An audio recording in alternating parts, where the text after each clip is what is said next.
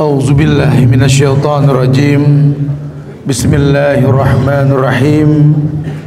السلام عليكم ورحمة الله وبركاته. الحمد لله. الحمد لله الذي أرسل رسوله بالهدى ودين الحق ليظهره على الدين كله. وكفى بالله شهيدا. وأشهد أن لا إله إلا الله وحده لا شريك له. وأشهد أن محمدا عبده ورسوله. يا أيها الذين آمنوا اتقوا الله حق تقاته ولا تموتن إلا وأنتم مسلمون. يا أيها الناس اتقوا ربكم الذي خلقكم من نفس واحدة وخلق منها زوجها وبث منكم رجالا كثيرا ونساء واتقوا الله واتقوا الله الذي تسألون به والأرحام. إن الله كان عليكم رقيبا. يا أيها الذين آمنوا اتقوا الله وقولوا قولا سديدا. يصلح لكم أعمالكم ويغفر لكم ذنوبكم ومن يطع الله ورسوله فقد فاز فوزا عظيما. أما بعد فإن أحسن الكلام كلام الله وخير الهدى هدى محمد صلى الله عليه وسلم وشر الأمور محدثاتها wa kulla muhadasatin bid'ah wa kulla bid'atin dolala wa kulla dolalatin finnar ma'a sila muslimin wal muslimat sidang majelis yang semoga Allah muliakan dunia dan akhirat. Alhamdulillah kita bersyukur pada Allah. Allah telah mudahkan kita untuk bisa berkumpul kembali di Masjid Mulia Uswatun Hasanah ini bersama uh, Bima mengaji dan panitia lainnya yang mudah-mudahan Allah jadikan sebagai penyebab datangnya keberkahan di kota Bima ini karena tegaknya sunnah. Karena janji Allah dalam Al-Quran walau anna ahlal qura amanu wattaqau lafatahna alaihim barakati minas samai wal ardh wa'adallah janji Allah itu pasti.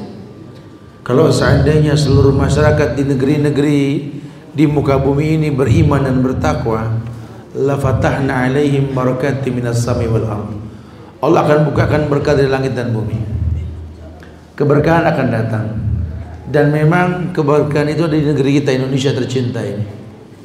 Karena kita tahu semboyan yang tertulis dalam undang-undang dasar bahwa atas berkat rahmat Allah Indonesia ini merdeka.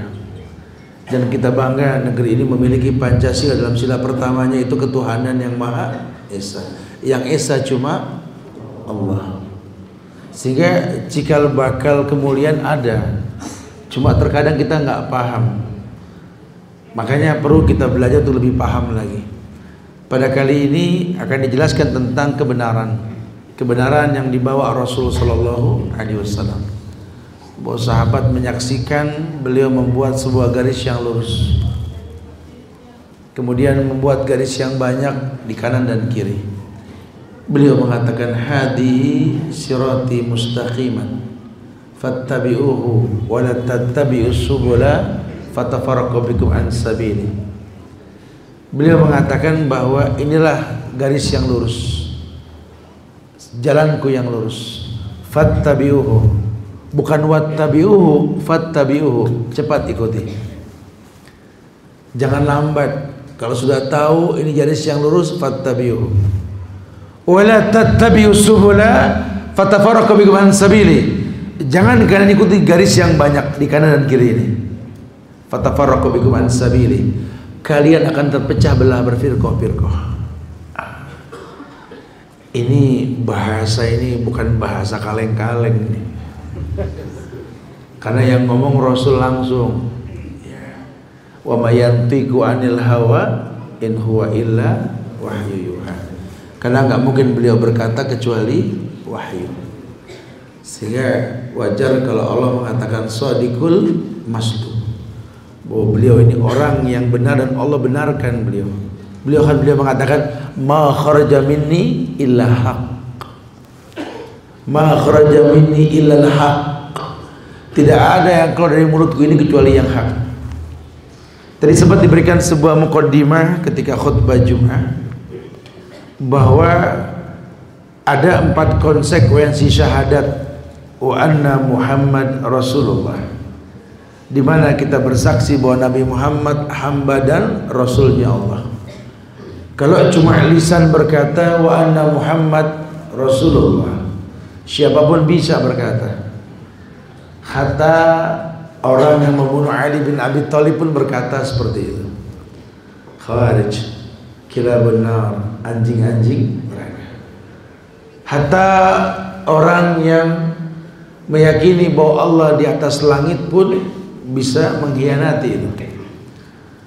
Ada konsekuensi yang tegas ketika dikatakan Muhammad Rasulullah. Konsekuensi yang pertama sekedar mengingatkan bahwa ada perintah ta'atuhu fi ma'amar. Mentaati semua yang beliau katakan. Yang kedua, ijtinabu alaih, menjauhkan semua yang beliau larang.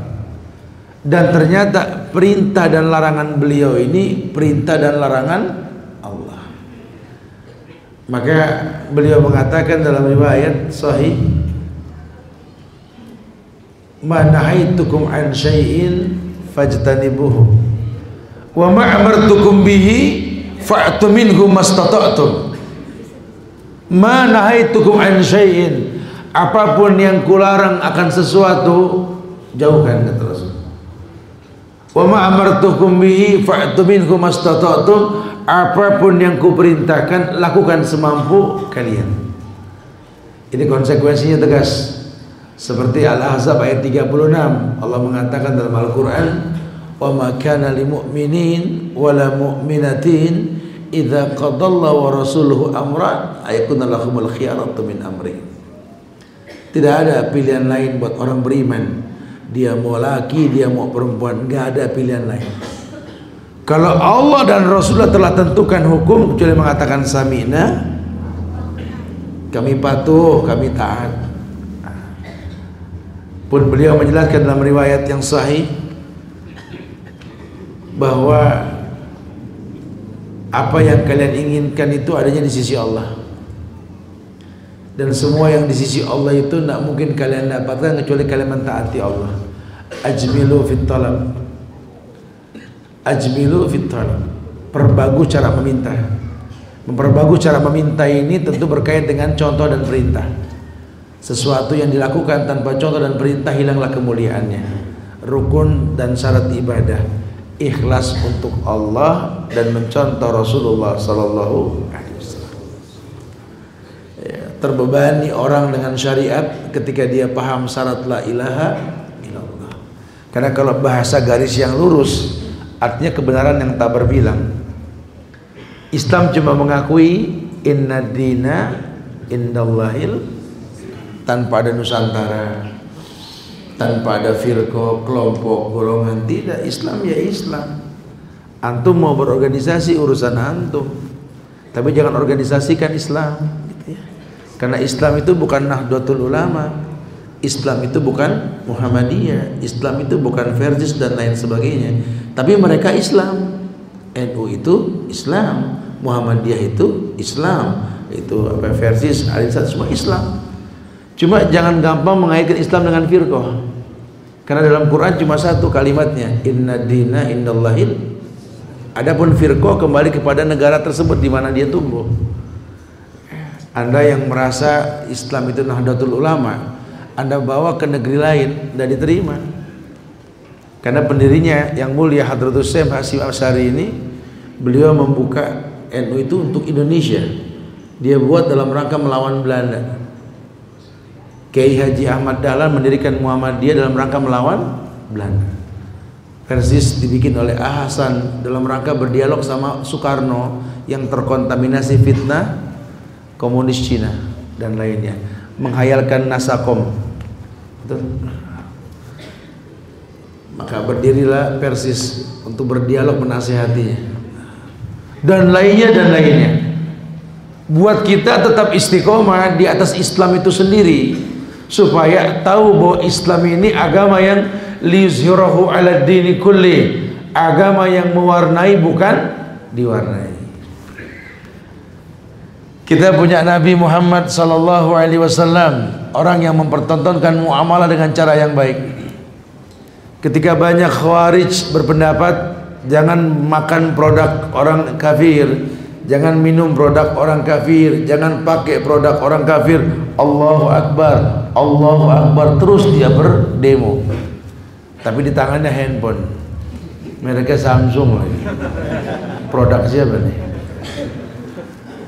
Kalau nggak boleh berbis bermuamalah sama orang kafir, kenapa Nabi mencontohkan ketika beliau wafat baju perang beliau digadaikan sama Yahudi?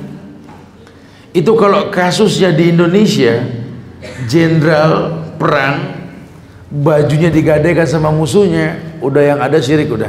Ya kalah dah. Jimatnya di situ gitu ya. Tapi Nabi pertontonkan ini kemenangan bukan karena jimat aji-aji yang di rumah bukan. Ayat diabadikan kok kam min fiatin qalilatin golabat fiatan kasira kelompok kecil mengalahkan kelompok besar izin ini yang jadi permasalahan bagaimana mendatangkan izin Allah ini. Wa inna Allah ta'ala la yunalu ma indahu illa bita'ah ajmilu fit talab tadi. Karena untuk mendapatkan semua yang di sisi Allah yang kalian inginkan tidak mungkin kalian bisa dapatkan kecuali mentaati Allah. Bahkan Nabi mengatakan bahwa inar rojula la yuhramu rizqa bi dzambin yusibu. Orang akan terhalang dari rezekinya karena maksiat yang dia lakukan. Lihat tuh. Maka beliau contohkan ana basaru mislukum yuha. Aku manusia biasa cuma dapat wahyu. Jadi Nabi Muhammad sama kita mirip sama. Aku juga sholat aku juga puasa, aku juga berbuka, bahkan aku juga menikah kata Rasul. Maka kalau ada hambaku enggan melakukan sunnahku, falaysa minni. Faman raghiba an sunnati falaysa minni. Yang tidak mengikuti sunnahku bukan golonganku kata beliau. Masya Allah. Seluruh orang paham tuh. Konsekuensi yang ketiga, tasdikuhu fima akhbar. Percaya dengan yang beliau kabarkan walaupun sifatnya gaib. 14 abad yang lalu beliau sudah mengatakan Idza tabayatum bil ina wa akhadtum ajnabal baqar wa raditum bizar'i wa taraktumul jihad sallallahu alaikum zullan la yanjiu hatta tarjula dinikum ini 14 abad yang lalu beliau ngomong dan belum terjadi ini mukjizat Beliau ngomong di hadapan sahabat yang tak diragukan agamanya, sudah futuh Mekah kok. Masya Allah. Beliau mengatakan, "Idza tabayatum bil ina." Kalau seandainya kalian biasa tabayatum bil ina, jual beli dengan cara ina konvensional. Artinya kalian biasa bermuamalah bisnis dengan ribawiyah ya sekarang apa pun riba betul Ustadz ngajar agama motor kredit sama konvensional. Tanya si Adira. Betul nggak usah angkat tangan udah. Rata-rata nih. Ini kalau agama disampaikan dengan kolaborasi dengan riba kira-kira gimana tuh? Ibu-ibu sekarang masak ogah belanja demen tapi GoPay. Lihat sholat ngaji, masya Allah kayak yang bener uh, di kantongnya BCA. Riba bukan? Riba eh, memang konvensional. Tad jangan ngomong riba entar dong. Eh bisa apa konvensional artinya riba? Ini kan lagi model nih. Kita tinggal di negeri yang ngomong kafir aja nggak boleh betul. Terus mau ngomongnya apa dong? Kan kafir itu kan istilah orang yang tidak cocok dengan Nabi Muhammad dan Allah, betul? Kalau dia mengakui Allah dan Muhammad, dia muslim namanya. Kalau dia nggak yakin kafir. Tapi jangan bilang kafir, Ustaz. Terus gimana imam terbaca ayat? Waladdallin. Amin. Bismillah. Lam yakunil ladzina min ahli dia nggak bisa harus disebut betul nggak bisa. Kalau agama di otak atik ini nggak bisa. Anda boleh benci Arab tapi harus mengakui bahwa Islam memang dari Arab. Masalah anda benci sama orang Arab urusan anda. Tapi Allah cinta sama orang Arab betul? Buktinya Ka'bah di Arab. Kalau Allah cinta sama orang Bima melebihi cintanya sama Arab, Ka'bah di Bima betul. Susah jadi parkir kang air muluan. Wah. Di Arab air gratis, padahal nggak ada yang punya air di rumahnya. Tancep pipa, nggak ada air keluar. Gratis, negeri itu masya Allah. Orientasi hidup orang itu memberi bukan mengambil. Azan, sholat, biar senakal-nakal anak muda di sana azan tutup rolling door sholat saya mau ngeborong pada sholat kalau kita kan di sini azan terus. Giliran lagi mau tutup orang mau borong. Ya udah buka Allah juga paham. Ini nih bahayanya nih. Minta dispensasi sama Allah. Allah you know lah what I mean gitu ya. Ya jangan. Kamu tercipta untuk beribadah, maka sebaik-baik contoh Muhammad bin Abdullah sallallahu alaihi wasallam. Semua perkataan manusia bisa ditinggalkan kecuali pemilik kubur ini Muhammad bin Abdullah sallallahu alaihi wasallam. Begitu sahabat katakan. Maka dulu Abdullah bin Mas'ud heran. Aku berkata Qala Allah wa qala Rasul Nabi bersabda Kalian mengatakan tapi Abu Bakar dan Umar berkata, aku heran kepada kalian. Imam Ahmad geleng pala. Aku berkata tentang hadis Nabi, kau berkata kata Sofyan Sauri, aneh. Ini terjadi sekarang. Kita meninggalkan syariat. Padahal kabar dari beliau. Mungkin sifatnya gaib. Cuma kalau paham garis lurus, kita pegang sebuah komitmen walaqad kana lakum fi rasulillahi uswatun hasanah telah ada suri teladan yang terbaik pada diri Rasulullah sallallahu alaihi wasallam kita enggak butuh contoh yang lain apa yang beliau enggak ajarkan? Maaf sampai cara buang hajat pun diajarkan betul. Ini pengalaman pribadi ini ya. Saya mengajar di Masjid Agung Al Azhar ya, menjelaskan tentang beberapa hadis Nabi. Yang satu saya bahas cara masuk kamar mandi keluar kamar mandi buang hajat. Turun saya pada isya selesai sholat isya turun dari masjid. Ada orang pengen masuk Islam langsung. Dia mengantar temannya sholat di Al-Azhar Ustaz Anda mau bersahadat kenapa? Anda mendengarkan sepintas ceramah tadi ya Allah agama mana yang selengkap Islam Ustaz? Sampai cara buang hajat pun diajarkan. Masya Allah. Ini satu bukti. Bahkan orang-orang Parsi mengatakan Allamakum nabiyukum kulla syai' hatta al-khira'ah.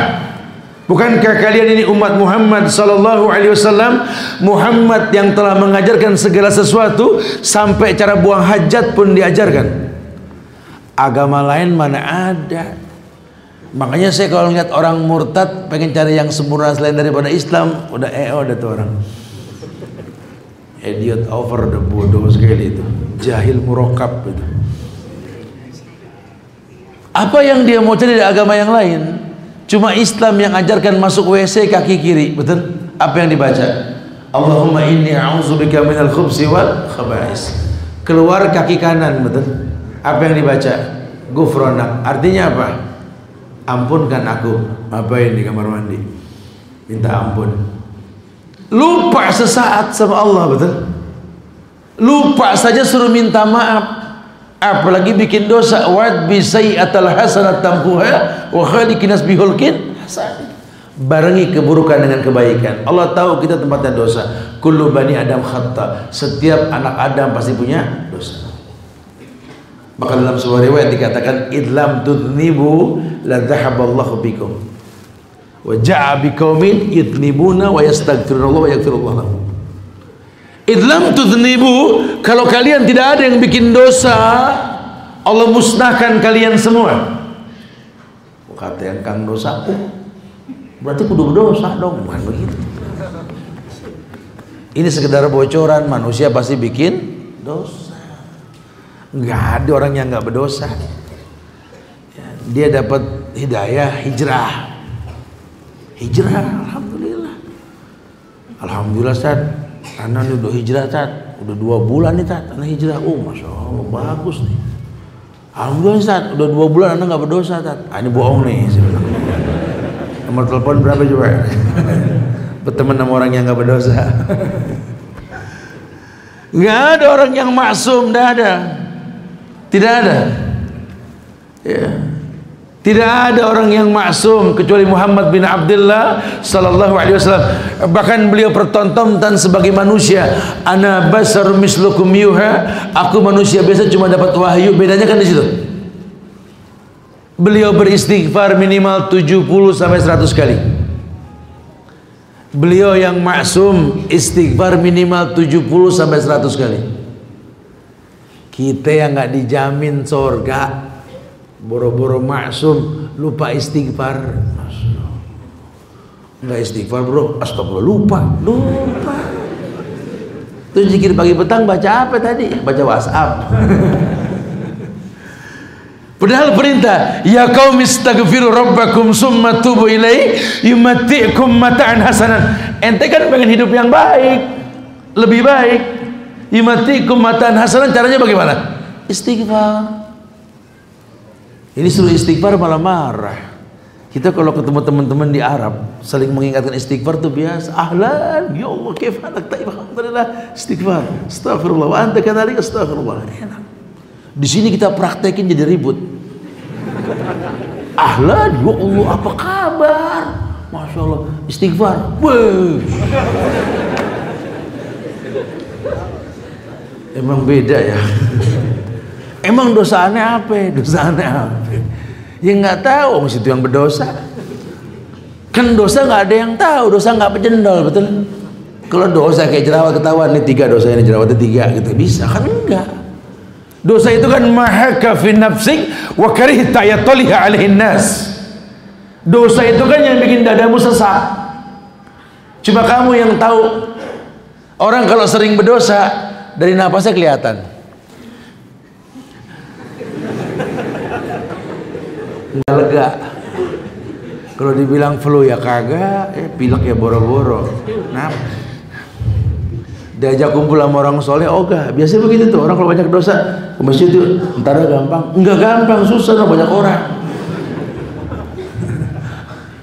Wa karihta yatulhi alinnas kamu benci orang lain tahu kamu benci. Dosa begitu. Nggak ada orang yang bangga. Tapi kalau ada orang yang bangga sama dosa sakit nih ada gak orang yang bangga sama dosa? Ada. Udah dibilang orang kalau berdosa suruh tobat. Ya, tobat itu seperti orang yang nggak punya dosa nanti. Dan ciri-ciri tobat yang baik itu apa? Wa beki ala khatiatik. Tangisi dosamu di masa lalu. Ini malah kalau kumpul sama teman-teman reunian SMP, SMA, teman-teman dulu reuni. Bukan nangis ingat dosa malah mesem. Wah, inget gak dulu apa itu yang kita nyolong bakwan di kan? Nyolong bakwan. Yang goreng udah mati, minta maaf bingung. Nyolong bakwan tawa. Hukum asal dosa tuh sedih kalau kita ingat, bukan malah bangga. Mesem aja orang di pojokan tuh nggak apa mesem aja bro. ingat dulu Ustaz. Astagfirullahaladzim ingat dulu dia mesem, bukan nangis. Hey, hey, Rasul itu beristighfar 70 sampai 100 kali. Bahkan zikron kathiran, zikir yang banyak. Kamu diuntungkan dengan istighfar. Tidak ada kerugiannya. Makanya betul-betul orang itu bisa kuat iman karena sebab yang banyak istighfar yang dia pertontonkan. garis terus mencontoh Rasul ini mendatangkan jutaan kemuliaan. Ada beberapa hal yang perlu kita pahami bahwa harusnya orang itu kuat imannya ketika dia sudah paham apa yang dibawa Rasul Sallallahu Alaihi Wasallam. Bahkan sampai level yang ketiga tadi tasdiku fi akhbar percaya dengan yang beliau kabarkan walaupun sifatnya gaib. Konsekuensi yang keempat la ya'budallah ila bima syara'a ini pemirsa di mana pun berada nih juga catat ya sekedar informasi saja. Ini adalah ZV Channel live lebih dari 18 negara ini. Nah, jadi antum saksikan lebih dari 18 negara. Anda berharap antum tenang ya. Jangan warawiri jangan banyak beraktivitas. Kan nanti dilihat sama negara lain buat Bima nanti tidak bagus. Bima mengaji Masya Allah ya. Subhanallah. Tayyib. Orang yang kuat imannya orang yang bagus imannya Tentu karena memang dia beriman dengan cara yang betul. Makanya orang kalau imannya sudah nggak betul akan lemah perlahan. Mencontoh Rasulullah Sallallahu Alaihi Wasallam ini mendatangkan kesempurnaan. Loh kok bisa dia nggak sempurna Zat? Karena kalau dibilang dia Islam ya memang Islam, tapi kok sempurnanya tidak. Wallahu a'lam. Ternyata terkritisi garis lurus yang harusnya dia ikuti ini tidak maksimal ketika dia melakukannya. Di konsekuensi yang keempat tadi dikatakan layak budallah ila bima Harusnya, harusnya manusia umat Muhammad ini tidak beribadah kecuali ada contoh beliau. Gitu Jadi jangan agama pakai kira-kira. Ini banyak agama pakai kira-kira. Yeah. Bahkan banyak juga orang tidak menentu. Contoh yang paling gampang sajalah. Ya. Ini bulan Ramadan kan sebentar lagi. Ini Rajab, Syakban, Ramadan. Banyak di antara kita ini waktu berbuka puasa itu dengan patokannya azan. Padahal Islam memerintahkan sumu li ru'yatihi wa aftiru li ru'yatihi Puasalah engkau dengan melihat bulan, berbukalah engkau dengan melihat bulan. Perintahnya kan begitu. Ayat mengatakan, "Faman syahida minkum syahr falyasumhu." Barang siapa menyaksikan bulan, puasalah. Perintahnya begitu. Ini kalau kita ngomong begini, orang bilang NU nih.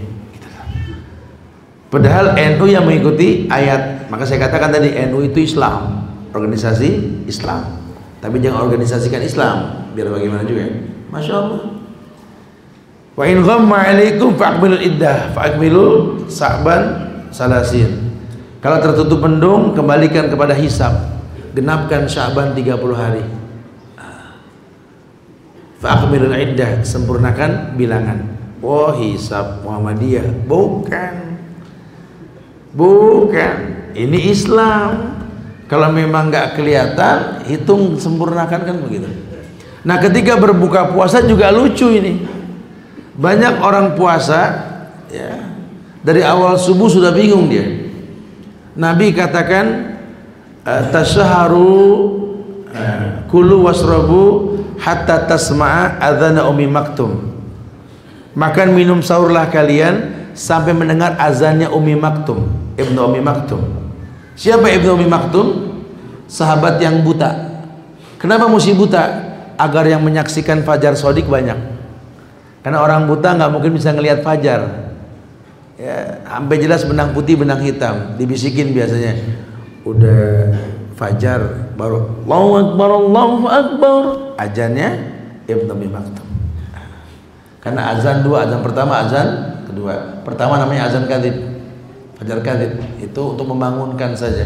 Salatu khairum minan naum. Dibangunin tuh orang. Dia tidak. Dari mulai sahur sudah kelihatan tidak ada ilmunya karena dia nggak paham. Patokan dia bukan azan. Imsak. Dulu ketika Anas bin Malik ditanya sama Rasul sallallahu alaihi ditanya sama sahabat-sahabat Rasul sallallahu alaihi wasallam, mata tasahara Rasul kapan sahurnya Rasul Kata Anas bin Malik ka anta ayat khamsina ayat qabla subuh. Sahurnya Nabi itu seperti kau baca 50 ayat sebelum ajan subuh. Seperti kau baca 50 ayat sebelum ajan subuh. Ini 50 ayat sahabat ukurannya. Yang memang bacanya cakep. Kita kalau baca 50 ayat paling 10-15 menit kali ya paling lama ya. Ada sih yang dua hari nggak beres-beres ada. Ikro dua belum hatam lelet. Tapi patokan orang yang paling bisa ngaji 50 ayat sebelum. Nabi itu justru makan minumnya ketika menjelang subuh. Itu sunnahnya. Di kita dibilangnya imsak. Walaupun memang ada ijtihad Imam Syafi'i mengijtihadkan imsak. Tapi bukan mengharamkan makan dan minum karena Umar bin Khattab melihat orang lagi makan ajan, meninggalkan dipegang tangan teruskan. Sampai azan. Azan kan sampai la ilaha illallah. Betul. Jadi kalau antum lagi makan minum Allahu akbar Allahu akbar terus. Ya. Boleh, bukan nggak boleh. Sampai dengar azan kan? La ilaha illallah selesai cuci tangan sudah ada aja lagi tak Allahu Akbar Allah jangan makan lagi. Nggak beres-beres urusan kalau begitu. Di situ gunanya imsak di situ tuh. Gunanya imsak di situ. Ada istiadat persiapan alangkah baiknya sebelum azan selesai gitu loh. Bukan wajib selesai karena ada pahala intizar. Menanti waktu tapi nunggu azan jangan ngudut, ngudut. Belum azan, belum azan. Penyakit nih lain lagi nih judulnya. Intizor itu banyak zikir, tasbih, tahmid, tahlil menjelang azan. Sahurnya saja diajari kata Nabi, tasharu walau bi juz'im mimma tasharu walau tamar. Sahurlah kalian walaupun dengan seteguk air. Sahurlah kalian walaupun dengan sebutir korma. Ini kalau kita ngomong 2019 begini, sahur sebutir korma mati dong kan Nabi yang ngomong saya cuma nyampein doang. Rasul bilang tasar walabit tamar. Hadisnya sahih loh. Sahurlah walaupun dengan sebutir korma.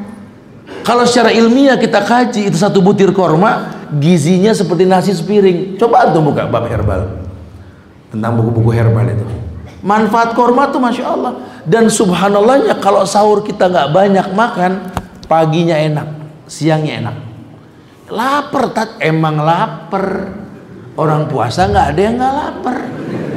Ente makan nambah lagi kayak gunung Uhud dua piring gitu ya. Tetap lapar. Emang orang kalau sahur terus nggak lapar? Lapar. Justru cerdasnya Rasul itu mengurangi dehidrasi. Dengan sebutir korma dan air segelas saja cukup sudah ini lambung nggak banyak kerja. Lambung kita kan ada bulu-bulu sensitif bawahnya. Masuk sesuatu kerja langsung. Lah kalau masuk nasi kerja langsung supaya air kurang. Ini dehidrasi. Molen aja kalau buat ngecor aja kalau kurang air pelan-pelan dia muter. Lihat cara Rasul. Masya Allah. Kemudian ketika menjelang berbuka pun sama. Harus apal patokan terbenam matahari bukan aja ini banyak saya nggak tahu kalau di sini dah kalau di Jakarta tuh kalau udah mulai menjelang buka bahkan teman-teman di apa Polda Metro Jaya di kepolisian di Lantas dan lainnya itu mendata kecelakaan paling tinggi itu bulan Ramadan. Kendaraan motor paling tinggi itu bulan Ramadan. Dan itu menjelang buka. Ya tanya lah ada polisi kayak di sini ya tanya lah nggak tahu dah kalau di situ Jakarta begitu. Jadi tuh orang kalau udah menjelang buka waduh kebut-kebutan. Berhenti. Depan warung pinggir jalan buka buka helm. Udah aja belum bang? Allah wala mati lampu. Dia nggak denger aja mati lampu. Tuh kalau patokannya, kalau patokannya terbenam matahari selesai urusannya. Kita tahu jam enak.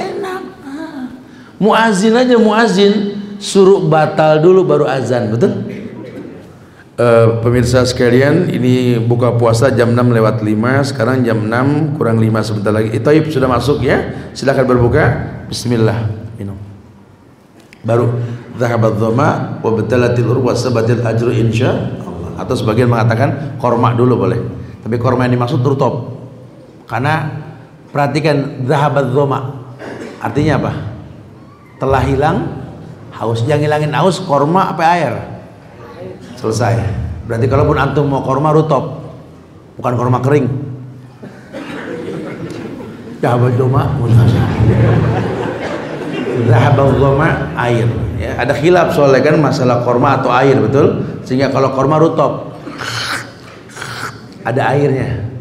Itu membasahkan kerongkongan. Makanya doanya zahabat telah hilang haus. Dahaga wa betalatil uru wasabatil ajru insya ini saya ngomong Zahabaduma jangan lagi saya mengatakan istijak lagi nih. Ya. Ustaz melecehkan cara baca doanya cuma nyontoin. So lagi rame dari kemarin Ustaz Subhan katanya istijak baca doa apa baca ayat melecehkan. Ya Allah anak tahu itu nggak boleh. Cuma mencontohkan ada orang yang seperti itu berkaitan dengan pemilu kemarin ya. Anak tahu juga nggak ada kaitannya ayat atiullah wa ati rasulil amri minkum. Dengan pemilu nggak ada nggak ada nggak ada urusannya. Kalaupun ijtihad kita nusuk atau nggak nusuk karena kita lebih melihat mudaratnya. Bukan itu permasalahannya. Tapi ada juga nanti orang yang sudah nggak memilih siapa pun yang terangkat yang nggak baik terangkat harus patuh. Akhirnya melecehkan. Atiullah wa ati rasul bukan melecehkan ayatnya. Dianya sendiri yang pegel sendiri dengan ayat tersebut. Suruh patuh ya, sama seperti saya menjelaskan kepada orang-orang tentang anak kecil yang mendoakan orang tua dengan logat yang belum pas. Bukan melecehkan doa. Anak kecil ada yang begitu. Ya berlapang dirilah ketika kita mendengarkan ceramah. Jangan menjadi hakim untuk sesuatu yang kita nggak pahami. Ini banyak. Ya, jadi banyak orang yang ngaji sama ustadz tuh bukan nangkep pelajaran serius, bro serius amat. Gue udah lihat salahnya di mana nih ustadz. Jangan ya, ditumari bihil ulama paling nggak boleh ya, melecehkan orang-orang alim paling nggak boleh ya. Masya Allah. Taib, dia tidak paham. Padahal sunnah Nabi pertontonkan untuk mendapatkan kebaikan. Makanya orang berbuka kalau mencontoh garis lurusnya Rasul apa? Ada dulu yang namanya apa apa berbuka puasa ini dibagi dua. Ya, dibagi dua. Jadi orang ini suruh sekedar membatalkan dulu baru makan besar. Ya, kalau kita sudah tahu waktu berbuka bismillah minum. Namanya takjil. Apa? Takjil dipercepat. Nah, sekedar minum sekedar makan kurma kurma ganjil tuh. Satu tiga ganjil. 21 juga ganjil kebanyakan. Ada nggak sholat sholat gitu ya karena sholat maghrib nggak boleh diulur. Yang diulur boleh dua zuhur sama isya. Zuhur abridu zuhri. Dinginkan waktu zuhur. Isya kalau sudah masuk waktu sholat sementara makan dihidangkan suruh makan dulu baru sholat. Cuma dua. Maghrib tidak. Banyak orang yang nggak berilmu ini gara-gara berbuka puasa bersama maghribnya rusak. Sementara dalam takjil itu mempercepat sekedar batal sudah batal? Ya membatalkan. Bismillah minum. Dhahabat dhama wa batalati wa insyaallah paling 5 menit 10 menit langsung azan. Dan muazin juga suruh azan suruh buka dulu. Karena ada di beberapa tempat enggak patokannya azan. Pantesan muazin kalau azan Ramadan kayak mau nangis. Oh. Cuma dia yang belum buka betul udah isa isa halas? Udah isa. Halas? Udah isa? Tapi masuk kita azan aja dulu ya. Selesai azan nanti kita lanjutkan lagi ya. Baik fadhal Alhamdulillah. Hamdan katsiran tayyiban mubarakan fi kama yuhibbu rabbuna wa yarda wa ma ba'd.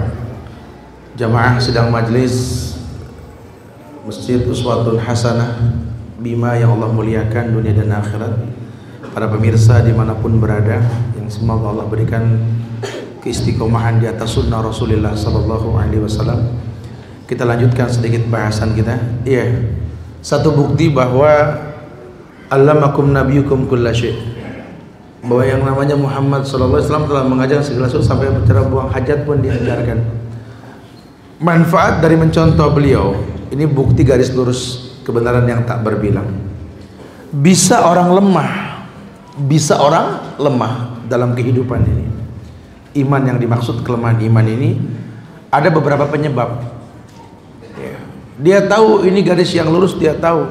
Dia pun tahu bahwa walaqad kana lakum fi rasulillahi uswatun hasanah ini pelaku bid'ah bukan tidak kenal rasul. Dia kenal rasul cuma sebatas kenal tanpa ada fi'liyah tingkah laku yang mencontoh Rasul sallallahu alaihi wasallam makanya ulama mengumpulkan sekian banyak penyebab-penyebab lemahnya iman. Ya panitia mengingatkan kita nggak bisa panjang waktu karena Isa diulurkan sedikit ya. Kita akan bahas besok tablik akbar pagi total ya. Panjang waktu insya Allah. Cuma beberapa kajian dikait-kaitkan supaya besok maksimal hasilnya ya. Yang pertama penyebab imanmu lemah bukan ketidaktahuanmu tentang mencontoh Rasul. Kamu tahu cuma kamu kurang ikhlas kata ulama ikhlasmu hilang Padahal perintah mengikhlaskan agamanya untuk Allah. Allah perintahkan seperti itu. Ala lillahi dinul khalis. Milik Allah lah agama yang ikhlas ini. Maka orang kalau sudah mengerti hidupnya ini untuk Allah, agamanya untuk Allah indah. Kul inna salati wa nusuki wa mahyaya wa mamati lillahi rabbil alamin. La syarika lahu. Katakan, katakan ya Muhammad sesungguhnya solatku, sembelihanku, hidupku, matiku lillah hanya untuk Allah. Dan kalau sudah bicara untuk Allah, kita yang harus tahu innallaha tayyib la yaqbalu ila tayyiban. Allah baik cuma nerima yang baik. Kapan sesuatu dikatakan baik? Ketika berkait dengan contoh Rasul sallallahu alaihi wasallam. Kul in kuntum tuhibbunallah fattabi'uni. Katakan begitu Muhammad. Yuhibbukumullah wa yaghfir lakum dzunubakum. Katakan ya Muhammad kepada umatmu katakan kalau kamu mengemas cinta dalam bentuk ibadah kepada Allah, katakan tak ada ibadah, tak ada cinta kecuali mencontoh diriku. Sayang ya, kalau kita nggak mencontoh Rasul, makanya kalau bisa kajian itu yang betul-betul ilmiah kajian kita rutinin saya yakin mungkin rutin kan sudah di sini. Khususnya bab sholat tuh. itu ada 700 lebih hadis menyaksikan satu rakaat sholat loh. Masih ada di masyarakat takbir aja berantem gayanya. Padahal Nabi mengajak Allahu Akbar. Ada yang Allahu Akbar Allahu Akbar Allah. Macam-macam. Nabinya satu betul? Kok bisa macam-macam? Karena kita nggak pernah mengkaji. Kita nggak pernah mengkaji. Kita nggak tahu hikmah sholat berjamaah di masjid kita nggak tahu. Orang baru hijrah sholat belum betul sholat munfarid sendiri salah. Bagaimana kau bisa merasakan indahnya sholat tanha adil faksa wal mungkar? Kalau sholatmu rusak Salat bersama imam, pilih imam yang paling baik, jamin hidupnya imam. Kalau di negeri Islam, imam dijamin. Karena penyebab kemuliaan. Ju'ilal imam yutamma bihi, dijadikan imam untuk diikuti. Masjid harus ada imamnya. Harus. Kiraatul imam, kiraatul makmum. Bacaan imam, bacaan makmum. Kata yang perempuan, untung saya perempuan. Boleh di rumah. Ya perempuan rumah lebih baik. Kalau bacaannya bagus. Nah kalau bacaannya rusak tetap ikut imam. Bukan rumahnya yang dipilih bacaan yang dipilih. Lah kalau urusan dia sholatnya sendiri bosan bacanya itu itu aja. Inna atuina kul wal asri inna atuina kul wal asri. Nggak nambah nambah sudah mau nambah tat. Resikonya hilang yang ada tat. Begitu katanya orang kan kalau udah tua begitu ya kalau masih muda ngapal gampang, udah tua, waduh. Saya kemarin saya paksain tat konsentrasi seharian ngapal 9 ayat saya hafal tat. Masya Allah, hilang 11, tekor 2 katanya bilang gitu. udah tua begitu. Ya ikut imam, ju'ilal imam liyutamma bihi ikhlas. Yang kedua penyebab lemahnya iman itu konsistensi emosional. Dia lupa agama ini bikin orang jadi baik. Janji semua ibadah yang Allah katakan kullu amal ibni adam lahu, semua ibadah anak Adam kembali pada si pelakunya harusnya membuat dia menjadi penghuni sorga. Bukankah intinya sorga? Ya, kita nggak pernah tahu lah ya, tapi rata-rata ibadah semua ujungnya sorga. Laisa lahul jaza ila jannah. Tidak ada balasan padanya kecuali surga. Nah kita belum mati habis sholat, habis berbuat baik, habis umroh belum mati kita. Masih panjang hidup kita iya. Cuma kita punya karakter penghuni sorga. Karibin, hayin, sahlin. Penghuni sorga itu karibin, gampang akrab. Orang kalau agamanya bagus, ya Allah low profile, gampang akrab sama orang. Keluh kesahnya tidak banyak suami pegel sama istri, istri pegel sama suami, orang tua pegel sama anak, anak pegel sama orang tua. Ya Allah Zat, saya sih mendingan suami saya yang dulu Tat. Waktu belum ngaji baik banget. Lucu. Sekarang udah ngaji ya Allah Tat, galaknya orang. Ini nggak boleh itu nggak boleh. Kata lakinya saya juga sama Tat, mendingan bini saya yang dulu Tat. Waktu belum ngaji baik banget Tat. Waktu jadi bapak masih kecekek gitu Tat. Sekarang udah panjang, udah galak banget. Orang tua ke anak begitu ya Allah Ustaz Saya sih dengan anak saya yang dulu tat. Waktu belum ngaji baik. Udah ngaji sih Masya Allah. Galaknya orang. Temen juga bilang begitu. Mendingan teman saya yang dulu tat. Dia mendingan yang dulu tat. Waktu masih masih nongkrong jarang sholat Baik banget tat. Sekarang ya Allah Ustaz. Nah Ada tingkah laku yang buruk selesai kita beribadah. Loh kok bisa tat? Nah, Ini yang mesti dibahas nih bahasannya sih besok panjang tuh ya. Karena bahasan kita bukan kan garis lurus bahasannya. Mencontoh Rasul Shallallahu Alaihi Wasallam. Karena Nabi mengatakan kalau kalian sudah menyelisihiku yang dikatakan di awal tadi tabayatum bil ina kalian biasa makan riba kalian anggap biasa riba. Ah, hari gini siapa yang mau minjemin? Nggak pakai tambahan tak begitu bahasanya. Tabayatum bil ina. Akhadtum ajnabal bakor kalian pegang buntut sapi Binatang paling bodoh tuh sapi. Dilahirkan di kandang, dibesarkan di kandang, dikawinkan di kandang. Nyaris tiap keluar kandang nggak bisa balik itu sapi. Harus dipukul dulu balik. Binatang lain bisa balik. Maksudnya apa? Kalian milih teman, milih pemimpin, milih sahabat ini nggak ngelihat karakternya. Orang bodoh yang kalian angkat atau kalian nggak merasa mengangkat, akhirnya orang bodoh yang mengangkat, betul? Maka dari kemarin masalah pemilu bisa ribut antar ikhwan betul. Ada yang mengatakan kalau anda milih berarti masuk dalam sistem demokrasi. Eh, entar dulu.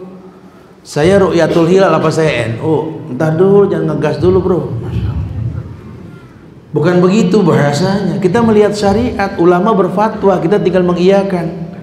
Anda nggak milih juga nggak dosa, nggak ada masalah nggak milih cuma dinasihati oleh ulama kan kita yang ngaji kita yang berilmu kita yang tahu mana yang terbaik di antara dua yang buruk ini kita yang tahu betul? Ah. permasalahan ini kan daruratnya memang ulama ketahui. Ada koalisi orang-orang yang benci sama Islam tugas kita hanya membantu. Sisanya siapa pun yang terangkat doakan karena pemimpin tergantung rakyat. Jangan menyalahkan ayat nanti suruh patuh sama pemimpin yang nggak betul. Ngerutu kita jangan begitu nanti tetap atiullah wa ati rasul ulil amri minkum tetap kalau kita kabarkan tentang cara orang menyikapinya bukan melecehkan bukan. Anda nggak turun ke masyarakat kami tahu bagaimana orang melecehkan ayat. Cuma gara-gara salah pilih.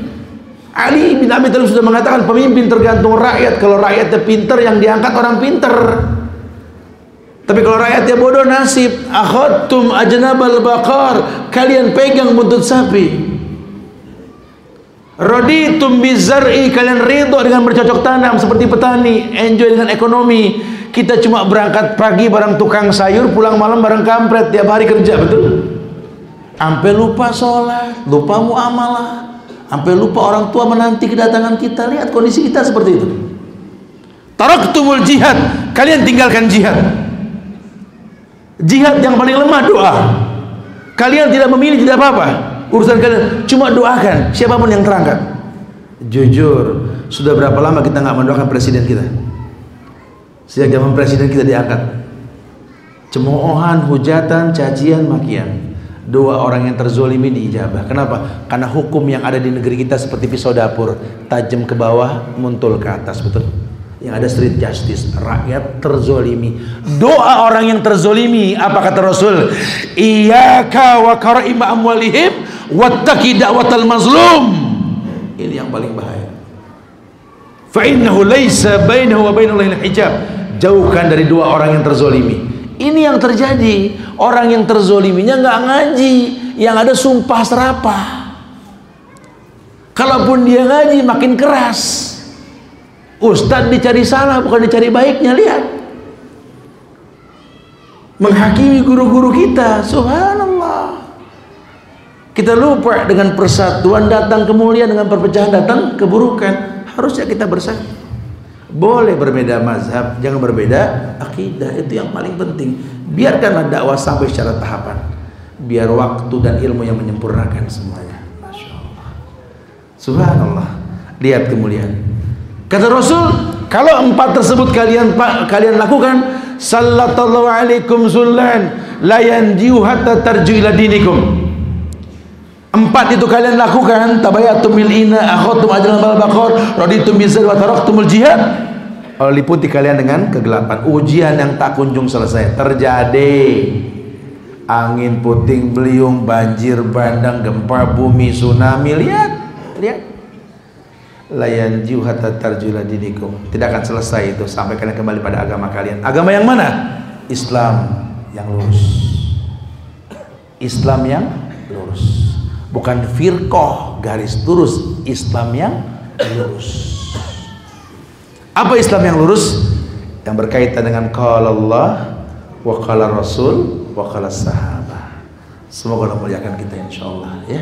Silakan yang mau bertanya jawab ya, ya sampai uh, 5 10 menit ke depan setelah itu kita sholat isya. Fadol silakan yang bertanya.